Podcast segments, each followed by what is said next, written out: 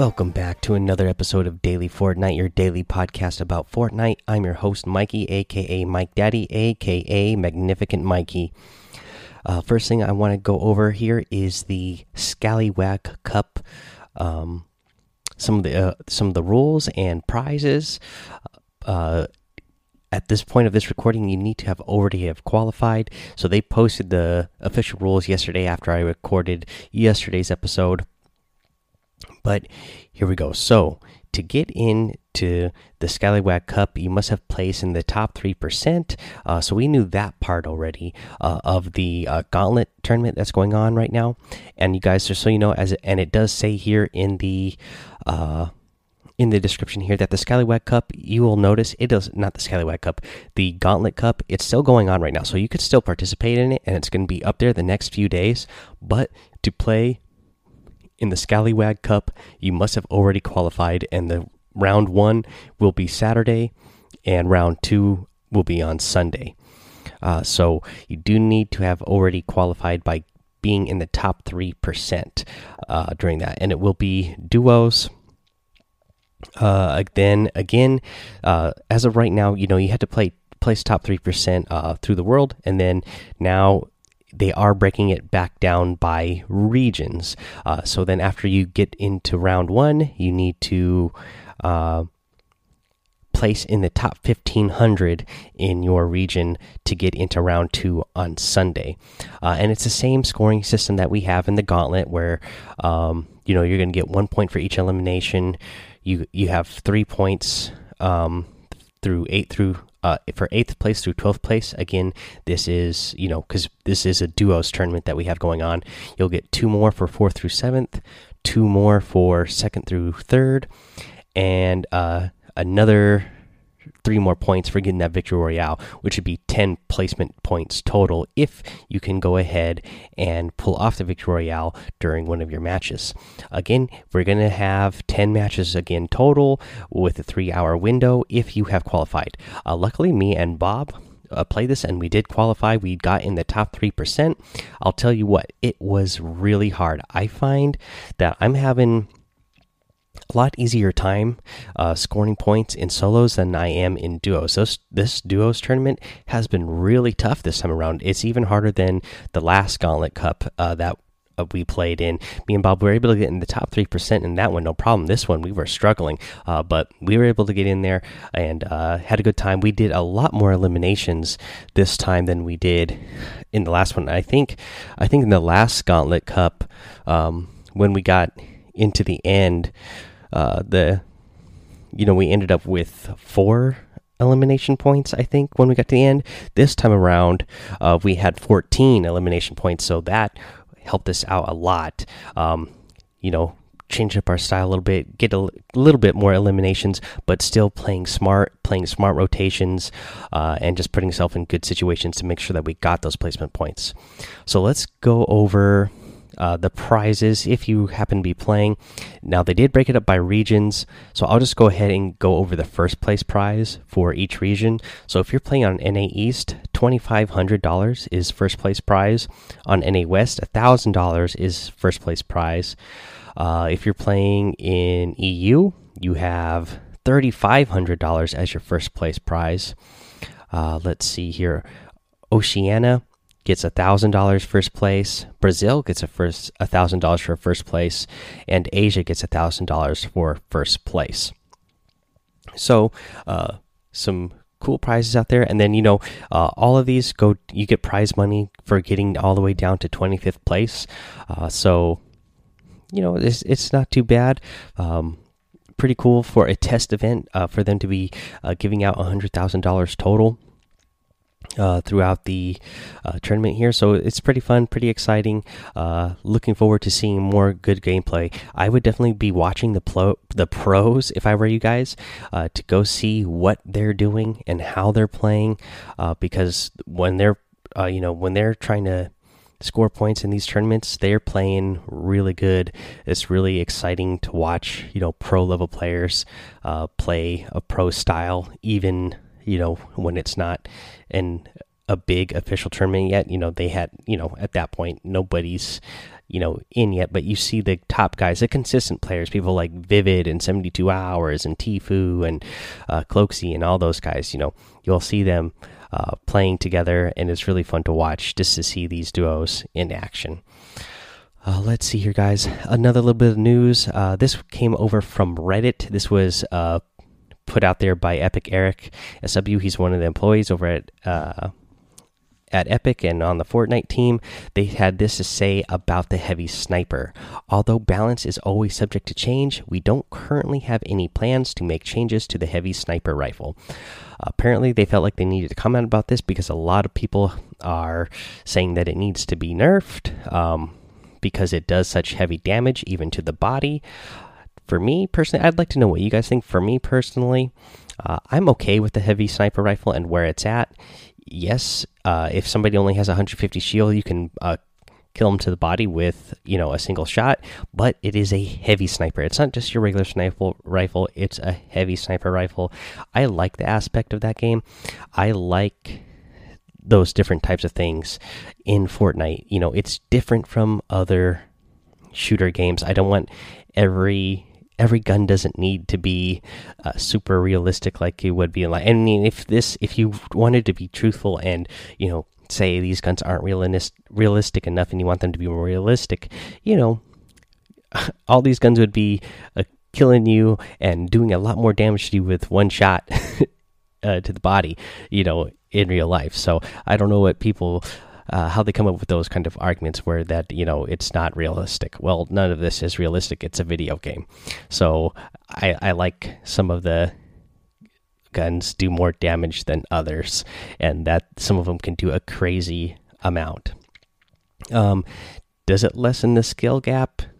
I, I guess so. I mean, I, I, mean, I still don't see. You still have to have good enough aim to hit somebody. So it, I, I don't feel like it's that big of an issue, and it's something that I really like to see in the game myself.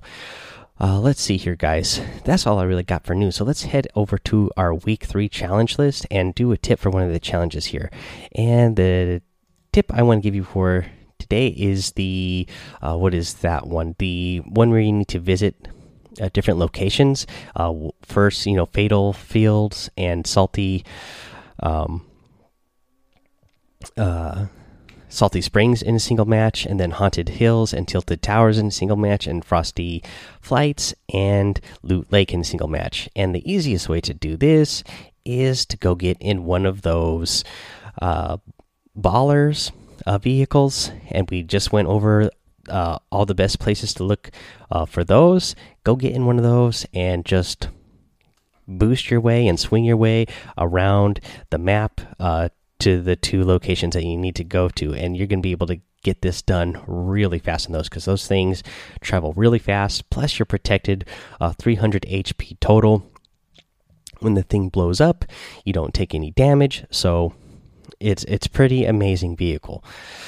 Okay, let's see here, guys. That um, is your week three challenge tip. We're going to go ahead, take a little break here, and when we come back, we'll go over the item shop and our tip of the day. Alrighty, in today's item shop, we got some really awesome new items. First one being the Kuno outfit. Uh, this is part of the new uh, Falcon Clan set. She is the master oh, it's a, her description is master the art of deception. She comes with the dual Kama. Uh, back bling goes hand in hand with victory, and it's a couple uh, sais there on her back. Uh, yeah, she looks pretty awesome, I will say. Uh, you also get Kenji, another really good out, uh, really good looking outfit. Uh, Kenji, strike from the shadows, comes with a katana and kunai, back bling, blades of choice. Really cool. Uh, I like the way this one looks a lot. Uh, I like that both of these characters remind me of some uh, anime characters for sure, and I'm a, I'm a big fan of anime.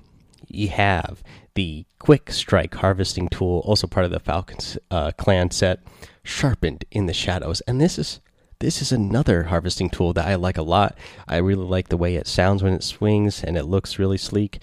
Uh, liking this one a lot.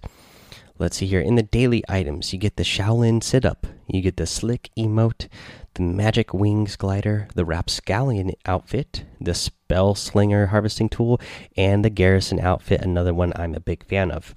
Alrighty, guys, that is your item shop for today. Go ahead and use that creator code Mike Daddy M M M I K E D A D D Y in the item shop. It does help support the show.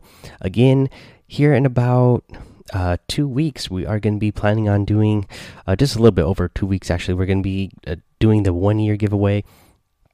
I know this is episode 363, and you would think since this is a daily show at episode 365, that would be the one year. But again, remind you guys, we have done uh, two episodes in a single day multiple times just to go over those big patch notes. So we have done that in the past. So when we reach 365, that is not going to be one year. It'll be at the end of this month. And then to celebrate um, the one year anniversary, I'll probably just do a big thank you on the episode uh, for that actual day. And then a couple days after that is when I'll have a day off to go ahead and actually do a stream uh, where we can say uh, thank you, everybody, uh, for all the support and do a giveaway thanks to you guys using the creator code. And I got to say thank you to Brian RTFM for using that creator code. Thank you for posting that video up in the Discord, uh, your season 7 recap showing that you are using code Mike Daddy. Really appreciate it, my man. You are awesome. Uh, and another thing that is awesome is our tip of the day. And today's tip of the day, we're going to bring you more baller tips because, uh, you know, you guys asked for them. So here we go. So while you're in the baller, I don't know if you know, but you can hold down the grapple button and you will stay attached to whatever you grappled. If you just hold it down, you can hang from something and just stay there, which is really cool. But the other thing is that you can start swinging around in whatever direction you want by, you know, if you're on controller, by swinging your stick around, uh, your stick that helps you move, or if you're, you know, playing on keyboard, move whatever uh, arrow key or WASD key that you need to move around to get you in what direction you want to go, and then you can hit the boost, and that boost will give you a good swing. Uh, and then you can let go of your grapple, and then shoot your grapple again to the next item that you want to hit, and then keep momentum going just like you're swinging on a swing. And if you practice your timing on this, you'll be able to swing from object to object really fast, and you'll be able to stay high up in the air. Uh, just the other night, when me and Bob were doing some of our matches to qualify for the Duos Cup, uh, the Scallywag Cup, uh, there was uh, we were in the end circles, and I happened to uh, be in a in one of the ballers.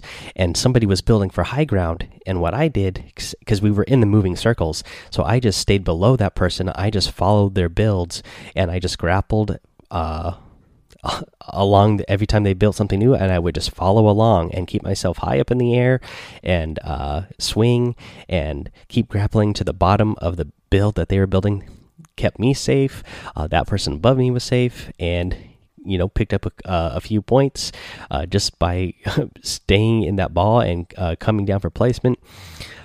Uh, so yeah, definitely it definitely works if you can learn how to swing around in that object. Again, it's all in the timing.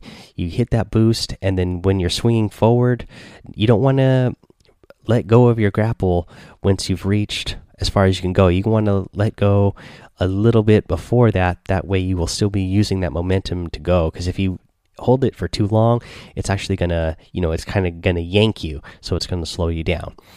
Uh, yeah, guys, but that's your tip of the day uh, for using the baller. So that's gonna be the episode. Head over to the daily Fortnite Discord and come join us and hang out. Follow me over on Twitch and YouTube. Uh, make sure you head over to Apple Podcasts and leave a five star rating and a written review. Uh, that will get you a shout out on the show. Uh, subscribe so you don't miss an episode.